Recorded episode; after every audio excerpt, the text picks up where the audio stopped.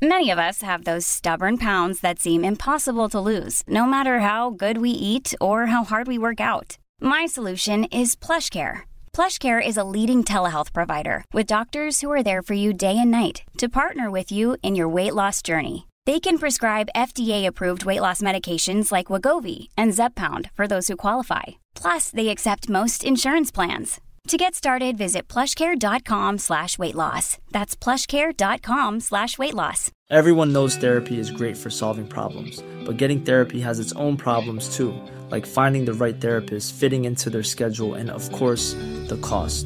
Well, BetterHelp can solve those problems. It's totally online and built around your schedule. It's surprisingly affordable too. Connect with a credentialed therapist by phone, video, or online chat, all from the comfort of your home. Visit betterhelp.com to learn more and save 10% on your first month. That's BetterHelp, H E L P.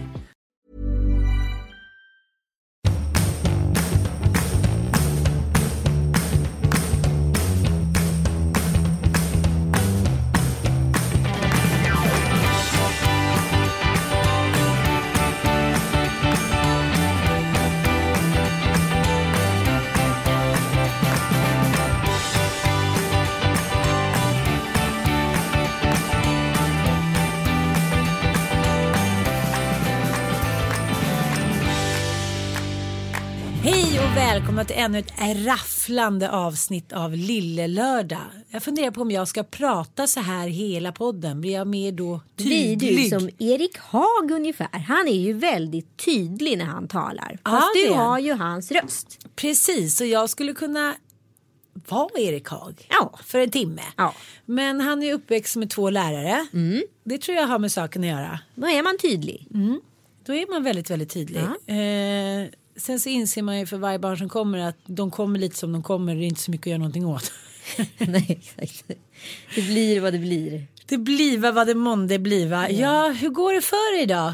Du nybliven singel. Gud vad det här året liksom och den här podden kommer ta sig en ny vändning. Helt sjukt. Alltså så konstigt. Ja, men från att eh, du har levt ändå ett ganska så här klassiskt familjeliv. Ja men det är också intressant för den man tänker då, nu, nu, nu raljerar jag här, det förstår du va? Jag vet Att inte så här, ens du som säga. levde farligast för att så här, du som skulle skilja dig från Mattias varannan vecka ungefär i två års tid.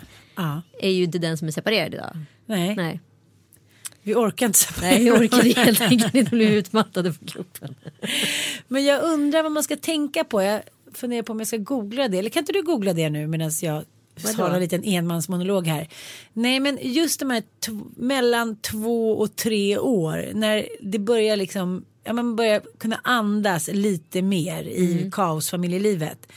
Och då är det ju väldigt lätt att liksom, det blir som en frihetssvush. Att man är så här wow I'm still alive. Jag kommer klara det här. Och då kanske man så här börjar ana eller bara ana tror att det är grönare på andra sidan. Vad ska man göra? Ska man låsa in sig mellan några månader? Nej men det, alltså jag tycker allting, bara för man går in i en relation, alltså ingenting tar ju slut. Förstår du? Man fortsätter ju utvecklas som människa hela tiden. Alltså tiden är ju vår största vän och fiende hela tiden. Så är det ju. Att man liksom bara måste ju hitta sina, hela tiden sina nya roller i allt. Och det handlar om allt från jobb till kompisar till sammanhang till liksom olika stadier i barnens liv i, sitt egen, i sin egen föräldraroll etc. Som partner. Så jag antar att ni kommer ju liksom komma in i i något nytt nu. Nu har ni två blöjbarn. Det är inte superlätt. Nej, jag tänkte på det nu när vi var uppe i Åre. Och sen så kom han hem och så pratade med sina kompisar. Ah, hur åkte ni skidor och sådär. Och jag tänkte så här, ingen av oss åkte skidor överhuvudtaget. Är det sant? Nej, inte ett åk. Och så tänker man på det efter, så här, men då kunde ju han ha åkt då den förmiddagen egentligen. Det är bara att man är så nöjd med att inte behöva göra någonting. Och det kunde man göra där på Holiday Club. Man, man behövde inte göra någonting. Man kunde bada och sitta och hänga. Och Bobban var på dagis några timmar och sen kunde man bada. Alltså vi hade ingen längtan. Det var lite som vi var instängda i ett lyxfängelse. Ja. Och var väldigt nöjda med det. Och så blev jag så här, men vad fasen blev jag så här efteråt sur på Mattias. Du kunde väl åkt med mina barn, några åk i alla fall. Men kan jag inse också, han sa så här, gud det här var min bästa semester. Han låg på hotellrummet och kollade på Vikings. Ja, det var det han ville göra. Att det var bara det han ville göra. Och så tänkte jag så här, men vem är jag som blir sur på honom för det? Mm. Jag tycker man har blivit sur så mycket på sin partner genom åren för att den inte lever upp till det och den inte vill göra det eller den vill göra det. Jag tror att den, den enda magiska formen som är väldigt enkel det är så här, du gör det som gör dig lycklig och så gör jag det som gör mig lycklig och så får vi hjälpas åt och klara av det som är liksom vardag. Precis, men det är det som är hela grejen. Jag tycker att man måste vara så jäkla tillåtande. Jag, jag har ju varit hemma med barn nu under den här långhelgen och det är helg idag med för att dagis har eh, planeringsdag. Inte mitt dagis. Nej, vilken tur för dig. Men det har i alla fall mitt. Eh, jag kan överhuvudtaget inte förstå varför man inte kan lägga det där bara en dag extra på lovet. Vad är grejen med att inte liksom förlänga loven med planeringsdagar? Då hade ju allting kunnat liksom logistiskt börja funka lite bättre. Men icke, sen icke. Så jobbar inte förskolorna. Eh, skitsamma, det jag skulle säga nej. nej. Nu för, avbryter jag dig. Men jag måste stanna kvar lite i det där. För jag kommer ihåg, jag pratade med Hanna Hedlund. Eh, när Martin fick någon 40-årskris och skulle så här, cykla till eh, Himalaya. Typ. Kommer du ihåg det? Ja, jag vet. Ja. Då var hon ensam liksom, med ganska små barn. Och det är klart att man blir bitter. Man är väldigt så här, ja gör det älskling. Och sen så när man sitter där själv och allting är jävligt jobbigt. Ja men då blir man ju lite småbitter såklart. Och sen vill man ju göra någonting själv. Och det tycker jag att jag har fastnat lite i eftersom jag hade barn sedan innan. Att jag är ganska bjussig mot Mattias.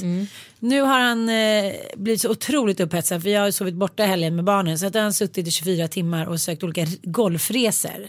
Och nu är han så uppe i det här så att liksom, ja men nu är han besatt på ett sätt som man kan bli. Eh, och så tänker jag så här, men vad ska jag göra? Då ska jag alltså åka till Mallis med Sanna och barnen. Alltså förstår du, så här, jag, min frihetsgrej är att få åka iväg fast alltid ha med mig barnen. Mm. Och jag vet inte, det kanske inte finns så mycket att göra åt saken just nu. Nej, tur att du och jag ska på tennisläger då. Ja, jävla tur. Ja. Ska jag ta med mig fransosen då? Nej. Bra. Inte nog med det. Nej men det jag skulle säga är att då är ju vi så här. För man, när man bor i det här landet så har, finns det ju liksom eh, egentligen två årstider när nästan ingenting funkar. Eller i alla fall hö- hösten går ju att funka beror på vilken ja, temperatur och väderlek det är. Men vintern när det är 17 minus ute. Då vill inte varken barn eller vuxna gå ut. Och då måste man kunna få löka. Alltså jag har alltså legat i sängen med mina barn och lökat i så här ja, 32 timmar. Vilket har varit helt ljuvligt. Vi har liksom dukat upp brickor och sen har vi eldat brasa och liksom gjort marshmallows och bara liksom haft det så jävla mysigt och varit inomhus. Gud vad härligt. Ja, och jag är så jävla glad att så här, barnen kan löka. Att de inte känner sig att de har sån aktiveringstörst så att de så här får panik. Nej, men det var så en oerhört så här, väldigt vältränad människa som så här, hade sån oerhörd ångest för att den hade slappat i två dagar under julen. Och då var jag så här, det är ju också en träning i sig för en person som är så här, överpresterande. Den måste ju också träna på att ta det lugnt. Det är ju lika mycket träning det. Fast Pratar för... du om Linda Lindorff? Nej, I wish. Nej, men det, det är lika mycket träning det. För det handlar ju om att så, träna mentalt att kunna liksom, ja, vara utanför sin comfort zone. Där man hela tiden presterar. Om nu det är ens comfort zone. Jag håller med dig, man måste kunna läka. Det är bara att jag får panik när mina barn lökar för jag känner så här, åh, de måste socialisera, de måste få luft, men de har inget behov av det. Men grejen är också, det är vi som, så här, det är vi som går runt här med någon dum liksom, offerkofta. Nu säger jag liksom, det är inte bra att barnen bara är in och ligger still. Det är inte bra för musklerna. Nej, men det saker. gör man ju inte. Någonting Nej, gör, alltså. exakt. Men saken är den att deras sociala liv, vilket man blir väldigt påminn om du nu i singelvärlden, är sker ju online. Ja. Alltså det är där man umgås. Eh, precis som vi satt, när vi gick hem till en kompis då satt ju vi still på kompisens rum. Det var ju ingenting som hände däremellan. Det var ju inte så att vi sprang runt och spelade fotboll och klättrade i träd. De gångerna kommer vi ju ihåg för att de Ja, var men- specifika. Precis, det var till en viss ålder. Men sen under hela gymnasiet satt jag kanske fyra Ja. till fem timmar på NK Café i Farsta. Mm. Påtår på påtår på påtår. Du vet, de hatade oss så mycket där. Ja. Och sen satt vi och ciggade, du vet. Ja. Snodda ciggisar, halva ciggisar, röda Marlboro. Det var så äckligt. Och sen så bara, åh shit, nu är klockan sex, Ja. jag måste hem och käka. Exakt så var det. Vi, jag satt ju då på ett café i Örebro med temuggar stora som skurhinkar. De var så kalla så man fick gå och fylla på det här varv, liksom, så man drack silverte på slutet, det vill säga bara mjölk och varmt vatten. För att så här, dels hade du inte råd att fylla på mer te eftersom det kostade Nej, fem men kronor alltså hade man, hade man inte ens 10 Nej, men det kronor? är ju helt sjukt. Men jag kommer ihåg det där så tydligt att vi verkligen försökte skramla till en påtår. Ah, typ Ja. fem kronor. Så det, den enda Jag tror inte skillnaden... alls vi fick samma pengar på den tiden. Det var därför vi var tvungna att sommarjobba och greja. Ja, men den enda skillnaden är ju att, att vi istället för att vi interagerar i grupp och sitter bredvid varandra och typ säger ett ord i kvartalet höll jag på att säga. Så sitter man då online hemma Ja. hos vardera men egentligen interagerar mera på ett sätt i och med att du hela tiden Jo fast måste det tycker föra jag ändå dialog. inte att det är härligt. Nej jag säger inte att det är härligt jag säger bara att det är exakt samma sak bara att liksom plattformen har förändrats. Ingenting försvinner allting bara byter plats. Jo jag vet fast det fysiska mötet det är liksom det händer ju någonting i det fysiska mötet när man sitter bredvid någon. Jag menar nu var ju vi eh, väldigt mycket vad heter det döda poeters sällskap och det skulle lyssnas på Edith Piaf och skrivas dikter på små lappar och hit och dit. Men, men det här att sitta liksom framför en skärm det är inte så här att Elon sitter och pratar om livet utan de sitter Men ju de och spelar. hinner ju det med. Två killar satt ju i min klass och spelade Gameboy i fem timmar bredvid varandra utan att eh, liksom, liksom, öppna munnen. Men det, det funkade då med. Det var bara att de satt bredvid varandra och, kände varandras kroppsdofter. Men det var inte så att de interagerade och pratade om livet. Alltså det är det jag menar, vi kommer ihåg de grejerna. Du skulle inte nämna så här, Edith Piaf-inramningen ifall det var saker som bara skedde i liksom, mellanmjölkslandet varje dag. Som att så här, käka en ostmacka eller att bli hämtad från förskolan. Sådana saker. Alltså det är sånt som bara sker. Förstår du?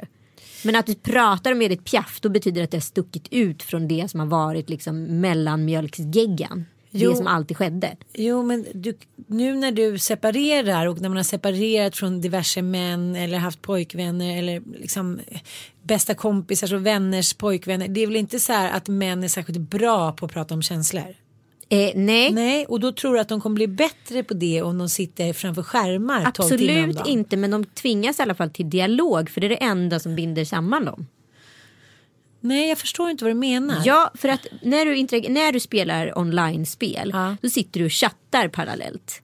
Det behöver inte okej, du göra okej. om du sitter bredvid någon i rummet. Du kan säga oh, oh gud. Runka bulle. Ja, men, nej, men du förstår vad jag menar. Så att jag tror, alltså, det här är min teori. Jag säger inte att det kanske är så. Men liksom, jag tror att så här, de tvingas till någon typ av dialog. Och jag tror att den dialogen kanske är nyttigare än att bara sitta bredvid varandra och säga brölstön. Ja. Pang. Brölstön. Gud vi har verkligen inte så här bilder av män som är Fördelaktiga. prototypa. Vi bara ö, ö, i, eller Nej men förlåt, inga tonårsgrabbar är speciellt charmiga. Ja, ja är du bara. är lite bitter nu på det manliga släktet. Men bo, eh, båda mina killar, inte den äldsta dock, men de två yngsta har ju Tinder för barn. Du skojar med mig. Nej. Men det är Jag jättegulligt tycker det att är de så här, gulligt. Och så lägger vi in bilder och Dante är mycket så här. Åh, 432 likes. Han har, han lagt in olika bilder. Och Vadå jag för de likes där? ja, man kan lajka liksom. Jaha. Ja. Och få så här kompisar och gillanden. Men gud. Så de kämpar på, det är bara jag. Jag tänkte på det här om dagen. Jag har faktiskt haft lite minikris den här helgen. Jaha. Det blir så också du vet när kompisar separerar. Jaha, Ja, det är ja, det är klart att det blir. Ja. ja. Men alltså jag menar inte att jag har haft relationskris direkt. Eller det kanske jag också har lite grann. Men, men på pappret har vi ingen relationskris. Det är bara det att det går upp för mig så himla tydligt när du skiljer dig. Ja, det har med det att göra. Mm. Visste det? Det har alltid med det att göra. Att när du är glad i hågen berättar om Tinder och visar bilder och sådär. Det, det är ju väldigt roligt tycker jag. Alltså, Ja. så här, jag lever ju lite genom dig då. Vilket man gör när man själv sitter i småbarnsträsket. Äsch, inte ska jag. Ja men det sa ju min bästis när hon skilde sig.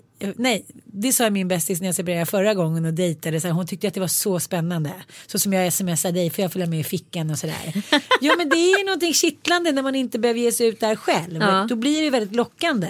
Men sen om det i verkligheten skulle ske skulle jag tycka att det var jobbigare förmodligen. Eh, Men gud, du ska, har du märkt att jag inte varit en direkt lycklig person senaste Nej, absolut. Liksom, Nej, jag vet. Men tre du, månaderna här.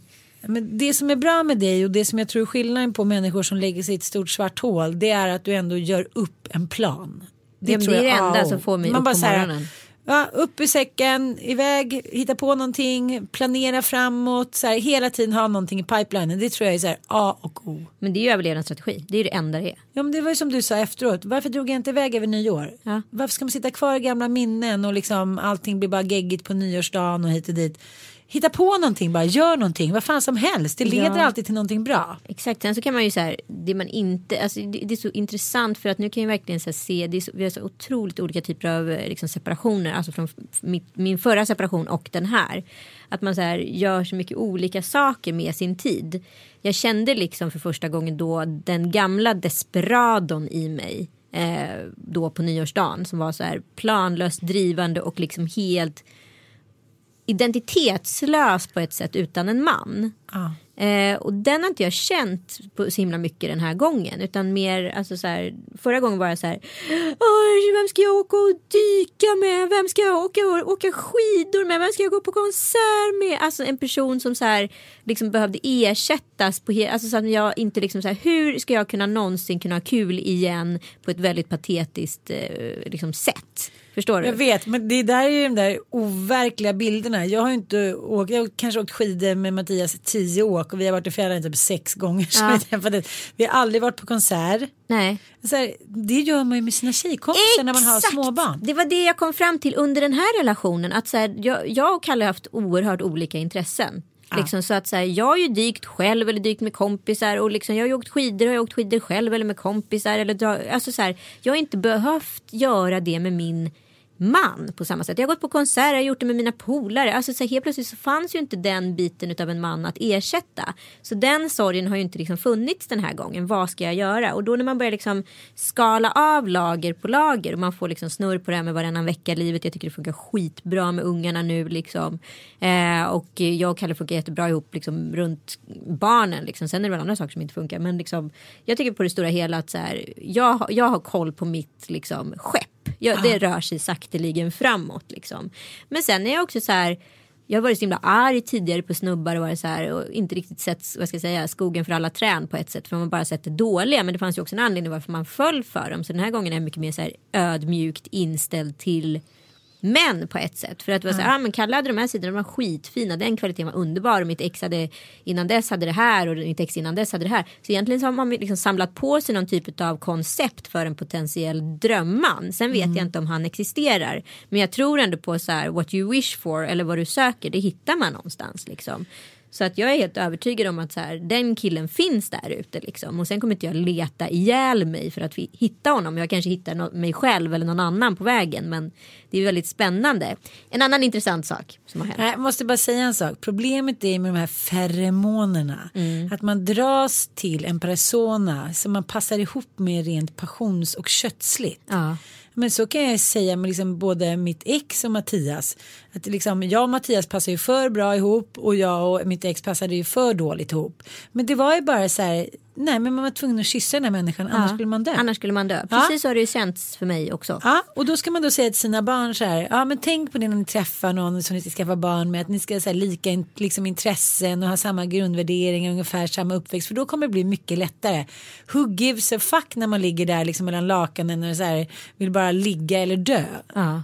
Så, förstår du? Det är väldigt, väldigt svårt och sen är det svårt att så backa tillbaka från det där. Min syrra är väldigt duktig på det. Hon är så här, blir passionerad, liksom intresserad och förälskad och sen så inser hon efter några veckor att så här, den här mannen kommer inte göra mig lycklig. I gotta go, hur ont det än gör och så går hon bara. Det har jag aldrig klarat av. Nej men det är det här som jag, alltså det här måste jag ändå säga. Man bara, det stora liksom, insikten för mig med det moderna dejtandet, det vill säga online-dejtandet jämfört med det tidigare. Då kunde man ju alltså, jag får sån, jag får såna, alltså jag får såna skamsköljningar när jag tänker på att jag har gett bort min kropp, mina innersta delar i min kropp till random jävla snubbar genom tiderna. På grund av att jag så varit ute, så här, druckit, bara, ah, han är inte råschysst men om jag tar en öl till så blir han schysst liksom. ja, ta en shot så blir han snyggare. Ja exakt och sen gått hem och liksom gett dem min kropp. Mm. Och jag bara känner så här, det jag kan göra nu med Tinder det är att så här, jag behöver inte ge någon någonting. Nej. Nu är det fan med upp till mig att göra vad jag vill med det här liksom, utan att bli en maktmissbrukare. Men jag behöver i alla fall inte gå hem med liksom en douchebag, förstår du? Nej, och det bästa är att du träffar dem alltid initialt nykter. Ja. Det händer ju aldrig på krogen. Exakt. Och det som du säger är så här, ja men han kanske inte var så himla härlig och sen så ett glas till så bara, eller var han det? Exakt. Ja, tänk dig så mycket ångest som du kan liksom reglera Exakt. via Tinder. Precis. Och är, nu kommer vi efter så här en kringlig krokväg fram till det som jag skulle säga till dig. Ja. Det är det här som också har gett mig ångest. För om det skulle ta slut mellan mig och Mattias, ta i tre, det hoppas jag verkligen inte och tror inte. Och jag då skulle ge mig ut och dejta igen. Mm. Alltså så här, först och främst, vad fan skulle jag lägga upp för liksom profil? Fembarnsmamma Du i behöver inte skriva Vasastan. någonting. Jag har inte skrivit någonting, jag har bara lagt upp bild på mig själv. Okej. Alla vet ju vem du är. Du behöver ju inte göra en presentation liksom. Bara en bild, jag ser deprimerad ut. Jag sitter Ja. med mina stora am amningsbröst. Nej men då, då slog det mig, så, att då måste det vara antingen typ rik snubbe som är så ja men jag betalar för hennes ungar, de kan bo liksom någon del av mitt stora hus eller mitt slott eller någonting och jag kan skicka dem till Schweiz. Alltså så tycker jag att det är lite kul. Ja. Som är så, som själv har massa barn och så här, det- tär inte på hans liv att Nej. jag drar med mig dem där för det kan vi lösa. Precis. Två, någon som tycker så här, har en fetisch för kvinnor med många barn. Hej Johan Söderlund. och sen tre kommer jag inte på någon fler. Nej. Alltså det, det är, och det kommer jag och Sanna och Micke fram till helgen också. Det är den lilla liksom cirkeln jag skulle ha. Jo men ja det är Nej, ju också. försök inte säga något förmildrande Nej eller jag gulligt. försöker inte säga något förmildrande och gulligt för du vet att jag inte är sån så därför sitter jag här och stammar. Men kommer jag ändå få ligga? Kommer du få ligga, du får ligga med precis vem du vill och det är det jag känner också så här. Jag bara så här, jag är på min så här utseendemässiga prime för att vara lite ego. Ja, och du sen är så, verkligen fin nu. Och sen med, rent fysiskt så är jag verkligen helt okej också måste jag säga. Om inte annat kommer jag bli det väldigt snart. Zigask. Eh, och, och liksom så här, jag känner ändå så här, alltså det kommer inte bli ett supertråkigt år 2017. Nej men jag förstår, jag var ju där Mm. för några år sedan och liksom när man väl kommer över den där uh, depressed kanten och så här kastar sig ut. I april kommer du ha så roligt så att du, eh, ja, Ja, men jag är inte behagssjuk längre. Jag känner Nej. att jag, så här, det är jag som call the shots. Det är jag lite som bestämmer över mitt eget liv. Vad det nu kommer innehålla, det är jag som regisserar. Jag behöver inte välja någon och ingen behöver välja mig heller. Utan så här, det, är liksom, det är verkligen upp till mig och om jag gillar någon så gillar jag någon och gör jag inte det så gör, gör jag inte det. Det behöver inte vara så mycket mer sentimentalitet i det. För det, man har, det jag i alla fall har brytt mig om väldigt mycket tidigare det är så här, hur, att jag blir tvungen att ta hand om någon annans känslor i det här hela tiden också. Så här, nej men jag kan nog inte säga nej till det där för då kommer han bli ledsen. Nej, jag säger nej till vad jag vill. Men det som du och jag eh, båda har pratat lite om det där när man har en man eller exman som stänger av all kommunikation, den känslomässiga kommunikationen så blir man så här, men vad då? Man kan väl fan prata om det. Och det hände ju mig i min separation att jag ville så här, ja men fortsätta vara det där tuggummit, att man kanske kunde så här ta varandras händer. Så jag hade så svårt att släppa taget. Då sa eh, min psykolog att så här, lägg ner allt bara. Ja. Lägg ner allt. Han är inte intresserad. Han vill inte. Han har stängt av dig för att klara av det här. Mm, men det är ju samma som min Så försök inte ens karva med lillnageln på hans röv. Och det var nog det bästa rådet jag kunde få. För du och jag är ganska lika. Eller jag kanske är mer så än vad du är. Jag ska gå in i alla jävla känslor. Mina barn, hamsten Harry. Alltså så här, jag är verkligen inne i varenda liten varelses känslor. Och när han stängde av mig. Och då menar jag så här dödade mig. Då fanns det ingenting att famla efter. Jag Nej. stod där i mörkret och så här försökte hitta någon sån kardborreband där jag kunde hand, men det fanns inte. Nej. Och då var jag tvungen att börja ta hand om mina egna känslor. Och det är di- dit Och man har då kommit. svängde det.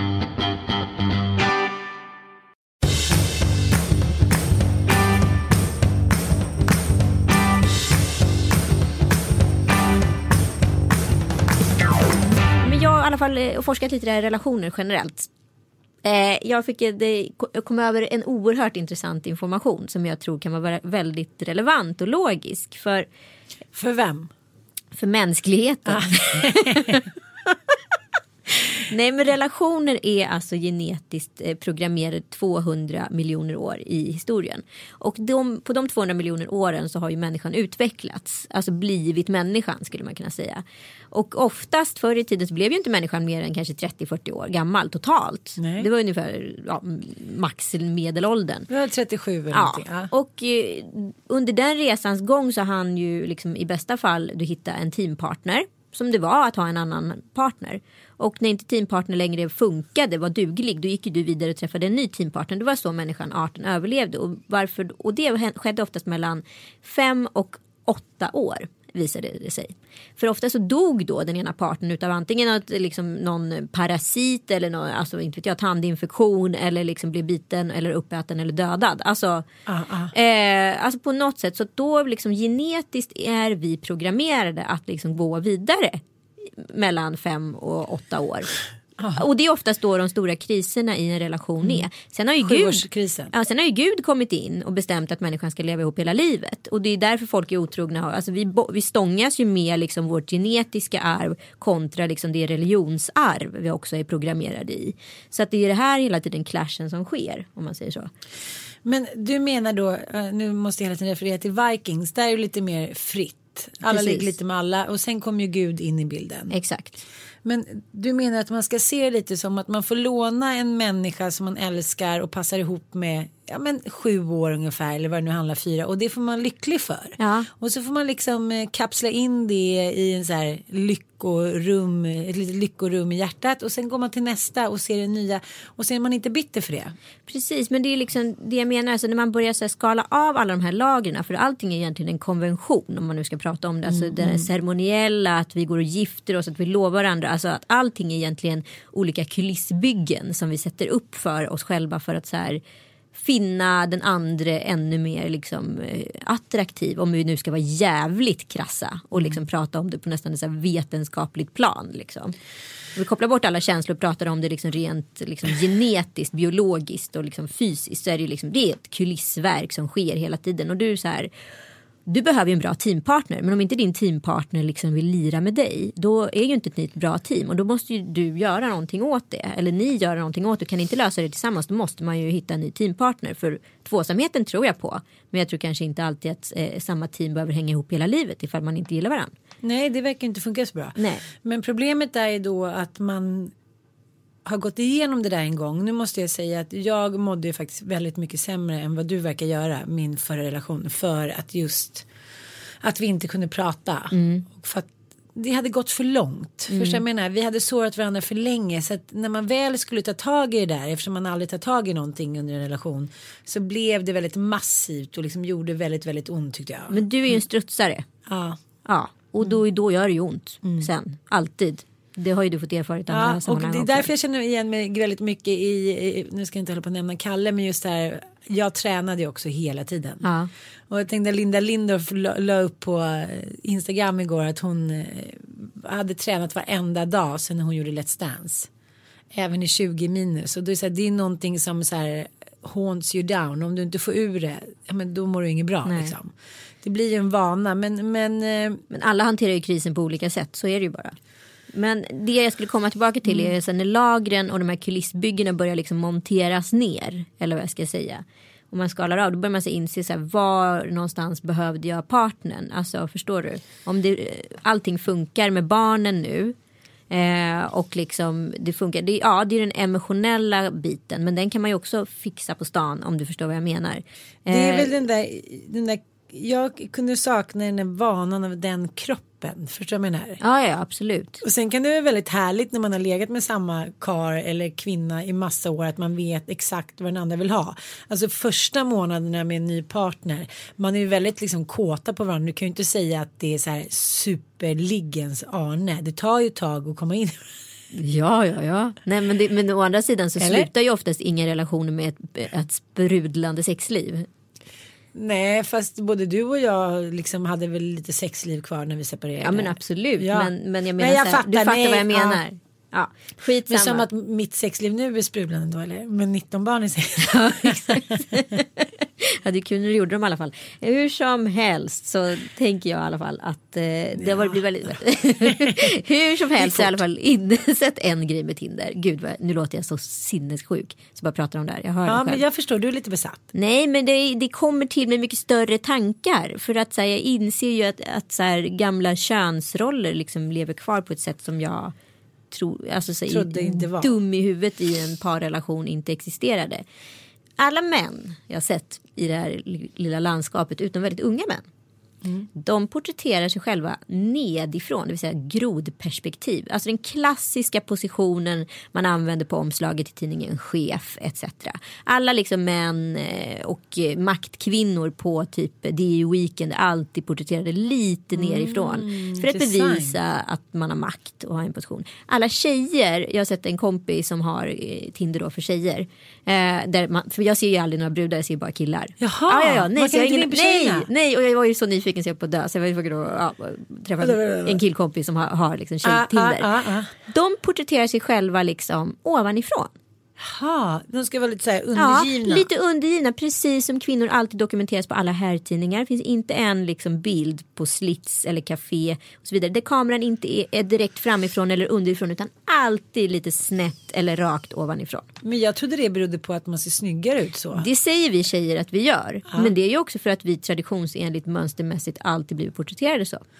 Intressant, det måste jag kolla upp. Mm. Så det händer lite större grejer för mig med Tinderen. Bara. Ja. Tinderen, Tinderen, Tinderen, Tinderen. Men eh, ja, jag, jag eh, känner en tjej som eh, blev så hårt dumpad nu av sin karaslok. För en mycket yngre tjej då. Och jag är så här. Det blir så insiktsfullt för mig. Jag vet inte, jag tror faktiskt att jag är rätt där. Att en man kan liksom åldras lite hur de vill. Men har de lite power och stash. Då kan de så här få ligga lite med vem de vill. Alltså, Tror inte de, det längre. det är inte riktigt så Nej, länge. jag tror inte det längre. Det beror, Bra. Det beror jag på, bara så här- ah, jo, om, du, om du är ute efter en så behagssjuk 25-åring med Tinder i ögonen. Ah, ett okej, annat typ okej, av ja. Tinder. Ja. nej men jag bara så här. Hon, nej, jag förstår inte heller hur han kan välja bort den här fantastiska kvinnan. Och då förstår jag det här att det är liksom. Ja men Mattias är inne i en liten 40-årskris. Mm. Eller ganska stor. Och då inser jag hur lätt det är att ta till. Att män, just det här med 40-årskriser. är- Liksom när 40-årsåldern är väldigt känslig för dem. Då tror de att det är över. Och eh, igår beklagade han sig att han skaffar barn så sent. Jag bara, men älskling, det är inte så att du är 92. Men han menar så här, jag orkar inte riktigt på samma sätt. Att man inte ser orsak och verkan. Får man två barn på kort tid och har tre bonusbarn, då är det klart att man är trött. Ja, men det det, spelar ingen roll om man är 32 eller 40. nej, nej, nej. Nej, så det är därför han nu håller på och boka golfresor och säger så här, gud vi måste resa, vi måste göra det, man kan dö imorgon och det är för sig sant, man borde leva som varje dag vore en sista. Men, Så jag tror man men kan bli lite jävla desperado då också. Alltså förstår du vad ödesmättat att det går hela tiden går att tänka på att du ska eventuellt kan dö imorgon. Mm. Då, kan, då, slutar, då upphör man ju att leva. Jag tror inte på det där jävla Nej, jag tror bara att man ska så här, fånga dagen. Att istället för att tänka eh, så här, nej men det kommer ju inte gå eh, du är separerad. Och bara, så här, bara ring text och säg så här, hej vi tänkte dra till USA en månad, är det okej eller? Ja. Kan vi köra liksom att killarna kommer till oss eller att jag förstår att man ser möjligheter i saker istället för att liksom hela tiden tänka att det inte kommer funka för att man har ett annat liv. Jag tror så här, det mesta går att ordna om man är schyssta mot varandra. Ja, exakt. Jag tror den här småsnålheten Ja. och oginheten den kan nog förgöra vem som helst. Också jävla osexigt, för att alltså. sitta och hålla sitt fort eller få igenom Mm. sin princip eller anklaga den ena för det ena eller andra bristande föräldraskapet så tror jag liksom att så här, i slutändan så här, fan var en schysst förälder och liksom gör det bästa för dina barn. Om det är fokus snarare Mm. på personen som är bakom då kommer liksom det inte vara något problem. Många har problem med det där. Många har Ja. problem med det där. Alltså, att många har problem med det där. Ja. Men det är lite som att jag trodde man skulle tänka lite på sin relation lite som att man ska vara lite mer som på Tinder och så här uppmärksamma och ge lite cred i sin partner för fasen vad det är lätt när man kommer in i en relation och får barn och det att så här det går veckor utan att man så här ger varandra komplimanger Ja. utan att man creddar varandra utan att man är bjussiga mot varandra det är bara så här gå på i, ungefär som att man går i en tunnel som är avsmalnad och så går man bara där fram och tillbaka och man kan liksom inte bredda den här tunneln för att det, så här, det orkar man inte riktigt. Man orkar inte vara bjussig. Nej. Så jag skrev faktiskt ett sms till Mattias Helle. Jag sa så här, bara för att man liksom har massa barn och lever i en liten i en tvåsamhet och har det jobbigt betyder inte att man liksom inte vill bli tagen på, inte vill ha fina sms, inte vill liksom få höra att man är bra. Alltså han är ju bra på, jag tycker vi båda är bra på att säga liksom fina komplimanger, så vad fin du är, vad snygg du är. Men just det där lite extra närhet så att man inte bara blir en robot. Jag pallar inte vara en robot. Jag, jag kan fråga dig som ett Ja. socialt experiment. Jag är ju väldigt fysisk av mig. Nej. Ändå blivit bättre. Förr kunde jag kladda på vem som helst. Kungen. Men, men eh, man vet inte riktigt hur man beter sig eller ser ut utifrån. Mattias föräldrar säger att så här, men gud vad ni är hångla och ni, ja vad ni är nykära och sådär. Va? Det är väl inte alls det. Vad, menar du? Rör inte folk varandra? Men eller? alltså jag har ju sett den där kotungan som du släpar runt på in i din mun.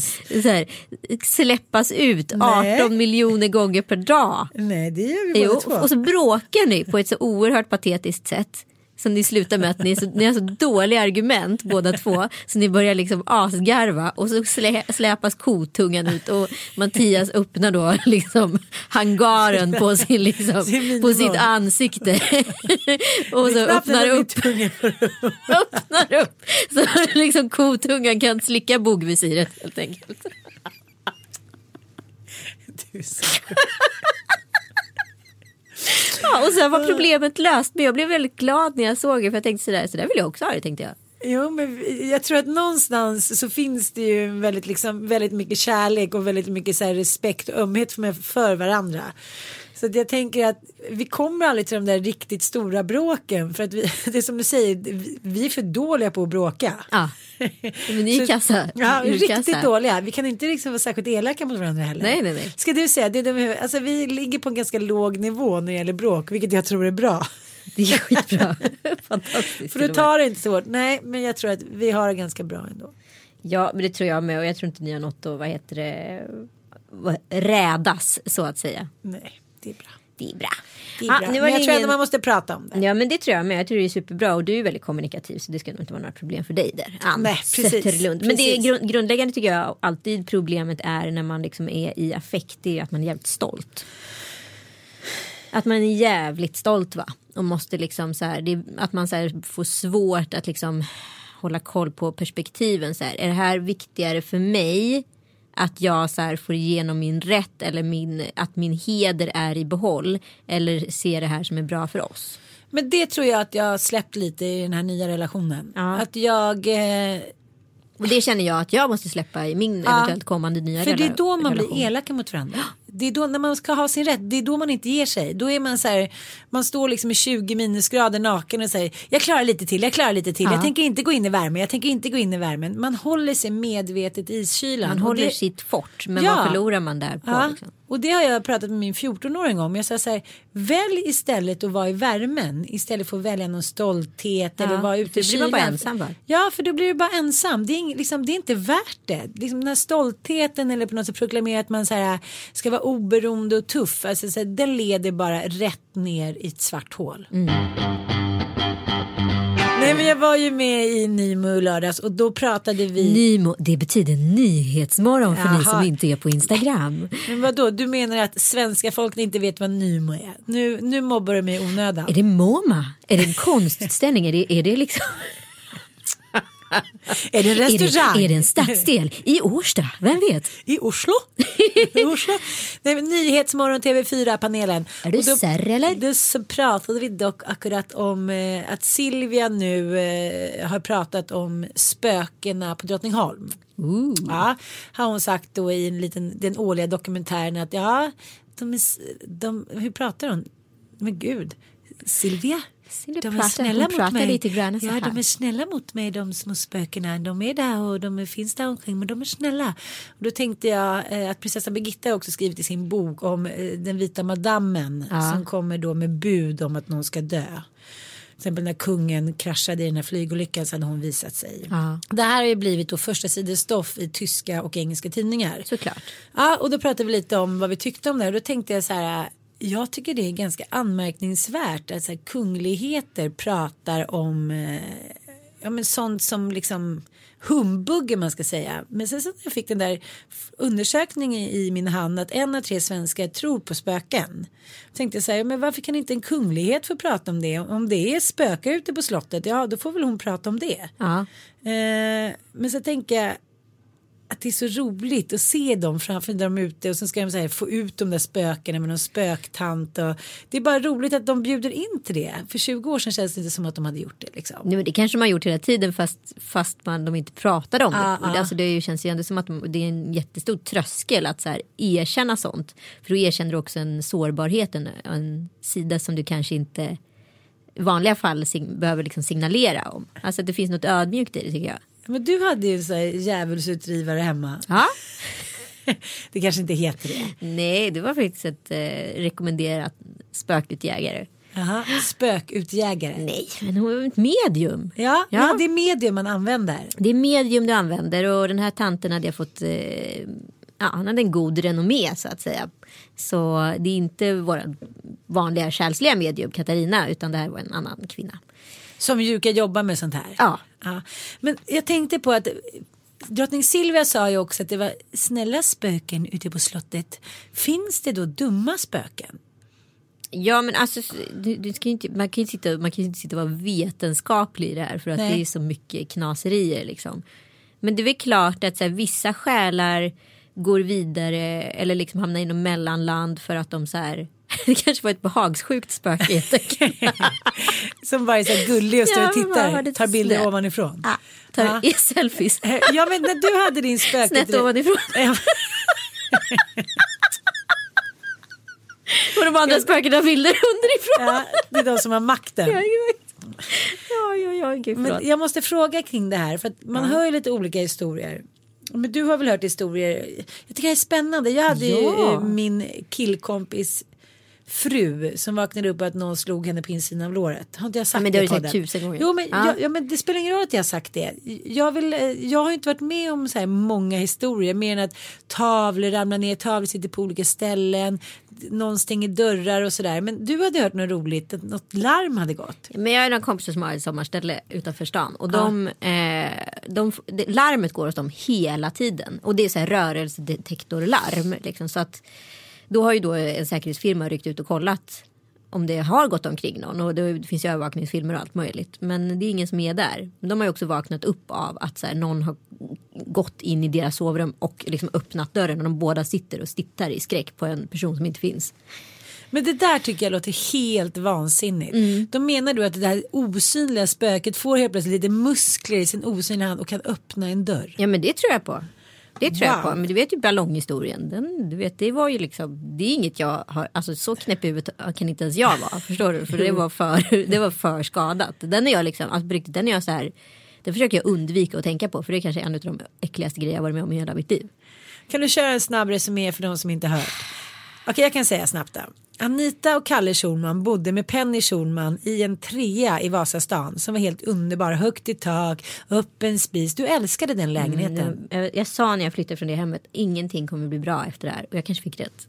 Och vad hände i det här hemmet? Nej men det här hemmet var väldigt vackert. Alltså det var ett sekelskiftshem och det var så stora runda välvda panoramafönster och så här. Ja men det var helt makalös. Eh, och, eh, men Penny ville aldrig sova i sitt rum av någon outgrundlig anledning. Utan hon var tvungen att sova in hos oss hela tiden. Och det var lite konstigt att vara i hennes Hon rum. var två månader.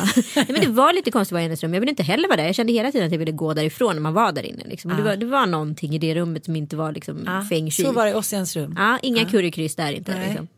Inga helgskap. Nej, ingen helgskap. Hur som helst eh, så hade vi någon sån här gammal eh, TGI Friday-ballong som låg och skräpade på golvet. Du vet så här heliumballong som luften har gått ut på som ser ut som små skrynkliga silikonbröst typ.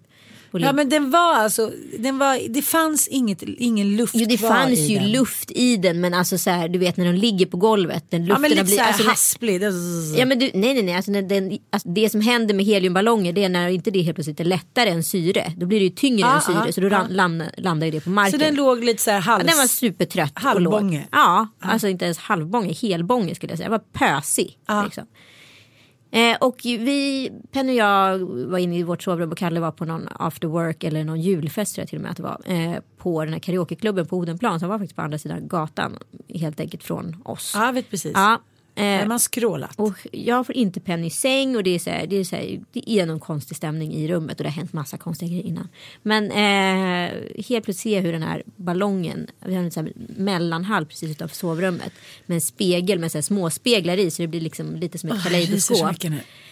Helt plötsligt ser jag hur den här ballongen bara zipp, far upp i luften med en ganska så bestämd liksom, takt. Och så är den ungefär 150-160 centimeter från golvet. Men Far är den då fylld då, helt nej, men Då är den en aktiv ballong. Det var en bånge. Denna bången. Eh, komma i en bestämd makad hastighet. Som ett, du vet som man ser liksom en båt komma farande på en fjärd liksom, mot den. Alltså den är så här. Jag, jag sitter i sängen och bara. Du vet jag har ett sånt jaw drop. Alltså jag tappar hakan på ett sätt som jag aldrig. Alltså jag bara. Jag, jag letar vet jag efter min telefon med handen. Men jag vågar liksom inte släppa blicken från den ballongen. Men Sen- är ballongen ute efter dig? den är ute efter någonting i Ah, vårt sovrum. För jag har märkt många gånger på kvällarna att det känns som att det går någon förbi sängen till min sida av sängen som är då den högra sidan. Och liksom ställer sig där och inte Så gör var det i någonting. min första lägenhet också. Och det är Så ett obehagligt. Ja, det är en ganska liten person som står där. Det är ett barn, det är jag väldigt övertygad om. Mm. Eh, I början tror jag till och med att det är ett djur. Eh, och eh, så har det varit. Ja, men då, jag tänkte att det var en död hund eller något sånt där som hängde kvar i lägenheten. Jag bara såg en myrslok som bara... Skitsamma. Helt plötsligt kommer då den här jävla ballongen farande och far exakt den vinkeln som jag upplevt att den här promenaden har skett många gånger tidigare in i sovrummet. Och sätter sig liksom på den sidan sängen. Penny ser ballongen och börjar liksom så här springa efter och jaga ballongen. Hon är ju två och ett halvt vid det här laget tror jag. Eh, och den börjar liksom lite så här katt och råtta leka med henne. Så de, de leker. Alltså det är det sjukaste scenario som utspelas. Och jag börjar så här.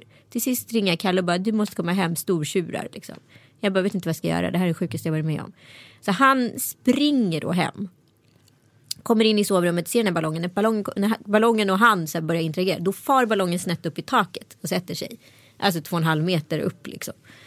Eh, och liksom sitter där som att den är så här, gömmer sig eller håller, undan, håller sig undan. Och så till sist tar jag Kalle fram någon liten stege där och så plockar jag ner den. Liksom, och så sticker hål på den. Men det var jävligt obehagligt. Mycket mer kan jag säga. Men varför filmade du inte det här? Ja, men jag filmade i slutet. Men det är precis när Kalle får tag i ballongen. Ja. Nej men du vet, jag var så förstenad. Jag satt med telefonen i handen. Men liksom fick, förmådde mig inte att liksom. Du vet, jag tänkte så här. Jag vet inte vad, ska, jag, vad kommer jag filma nu? Förstår du? Den känslan.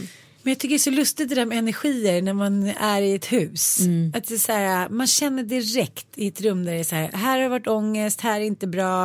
Eh, det är lustigt, det är lustigt. Ja men så var det på mina kompisars landställe. Mm. Då sa värdinnan i hemmet, hon bara, ja, går in här Anita och säger var någonstans det bor ett spöke.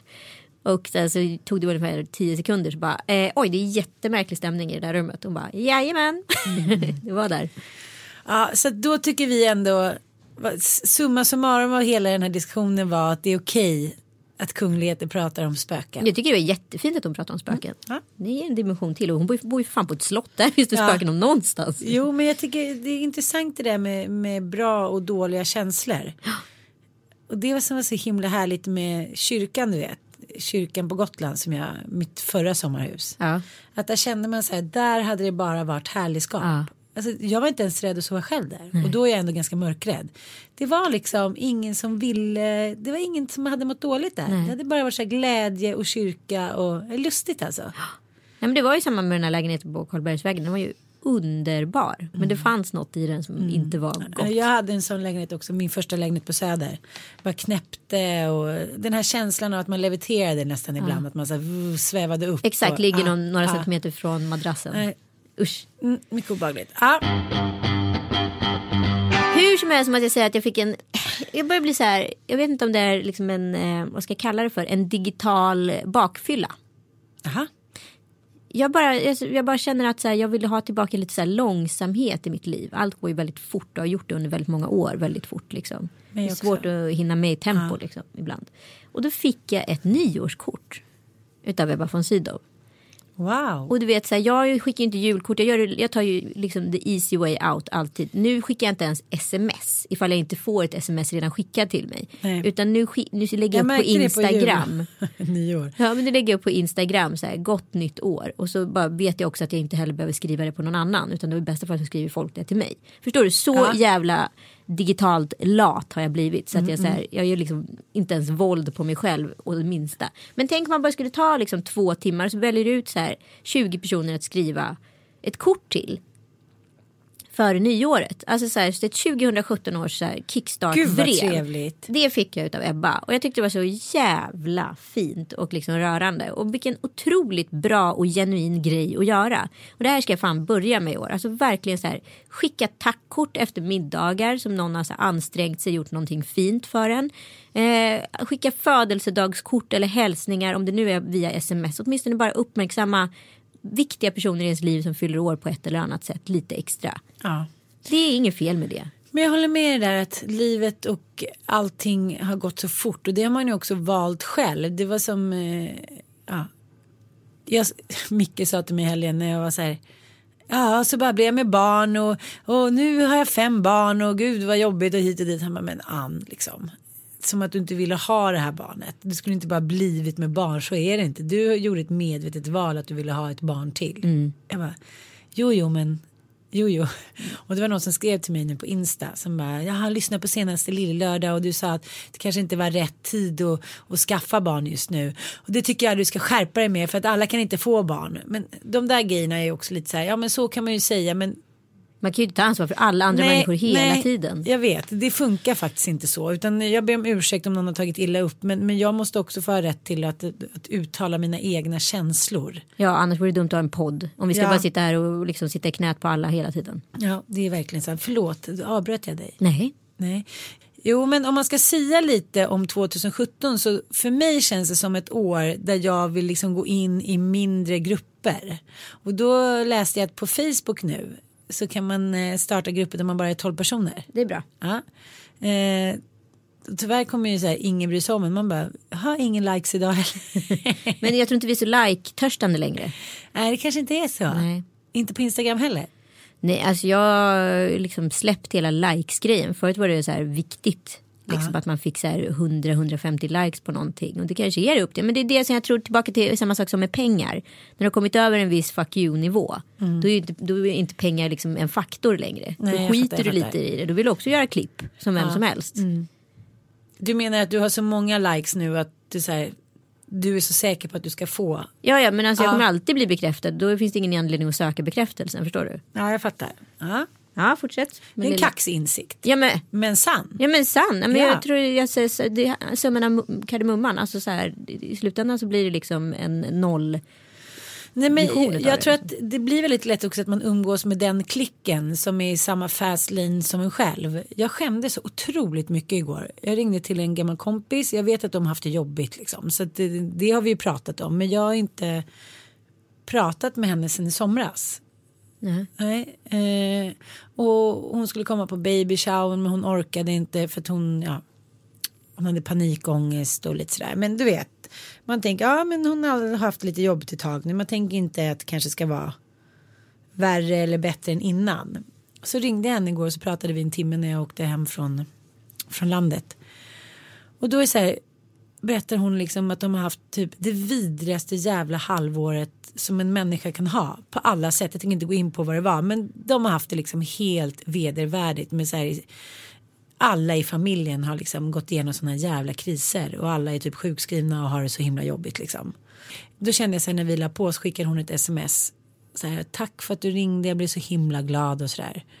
Och jag det är klart att, att hon lika gärna kunde ha ringt mig och berättat. Men vad lätt det är att bara så här missa människors öden och missa människors mående för att man är in the fast lane. Ja.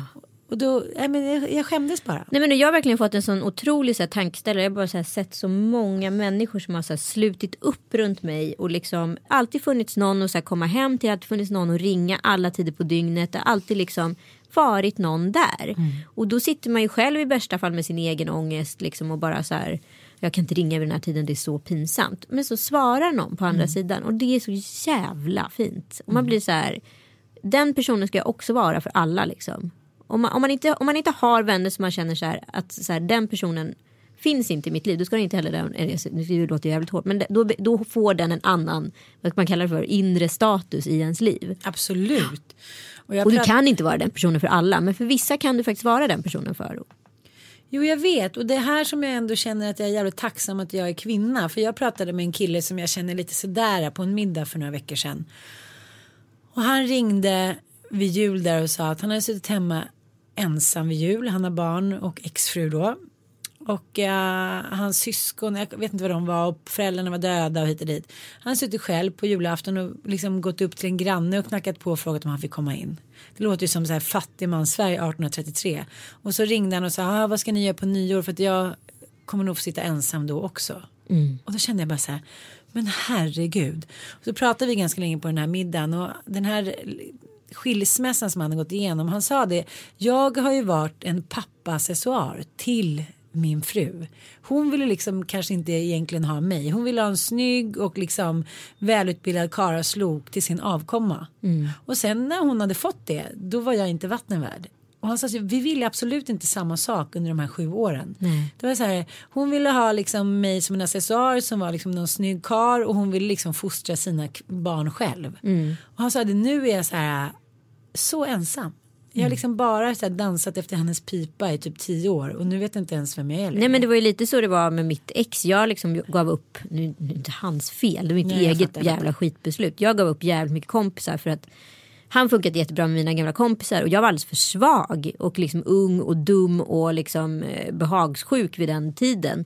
Så att så här, jag gav upp mina gamla polare och gick in liksom i hans eh, parkompisar och parrelationer och vi åkte på ja. parsemestrar. Mm. Men liksom när de försvann sen då, sju år senare, eller rättare sagt när det tog slut, då följde ju de med honom sju år senare. Och där satt jag liksom med så här skägget i brevlådan höll jag på att säga, bara så här, jaha, vad händer nu? Och det var inte så att mina så här polare som jag försummat de senaste sex, fem, sex åren var så supersugna på att hänga helt plötsligt. Då passade det. Ja. Nej. Så att så här, den gör man inte om. Fast å andra sidan så vill jag tänka att även där får man vara en större människa än så. Än så här, aha men nu passar det. Liksom, vad leder till nej, att, nej, nej, att, det är den att ens hjärta till slut skrumpnar till ett liksom sviskon eller till ett äppelkart.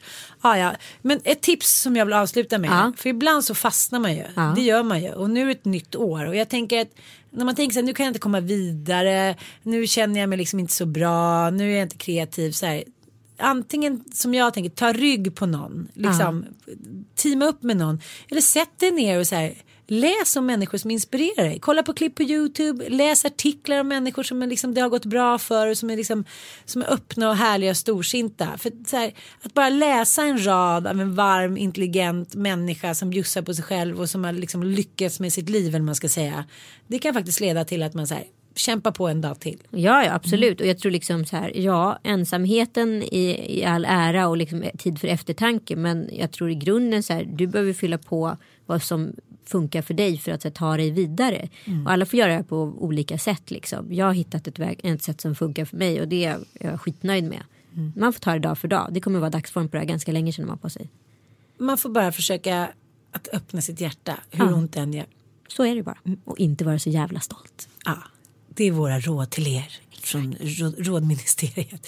Puss och kram, tack för att ni lyssnar. Vi älskar faktiskt er. Ja det gör vi verkligen. Faktiskt. Hoppas att ni är med oss vi hela 2017. Kan ni inte hashtagga igen när ni lyssnar på Lilla ja. Men det gjorde ni förr i tiden. Jag tyckte det var så sjukt roligt att gå in och ja. titta och se var någonstans i världen, tiden, livet ni befann er. Skriv ni är en liten rad. så hashtagga. Ja, hashtagga Lille Lördag helt enkelt. Eller Lille Lördag 2017. Ja, det är perfekt. Mm. Lille Lördag 2017 så ses vi snart igen. Vi kommer ut på turné. Puss, Puss och kram. Hej.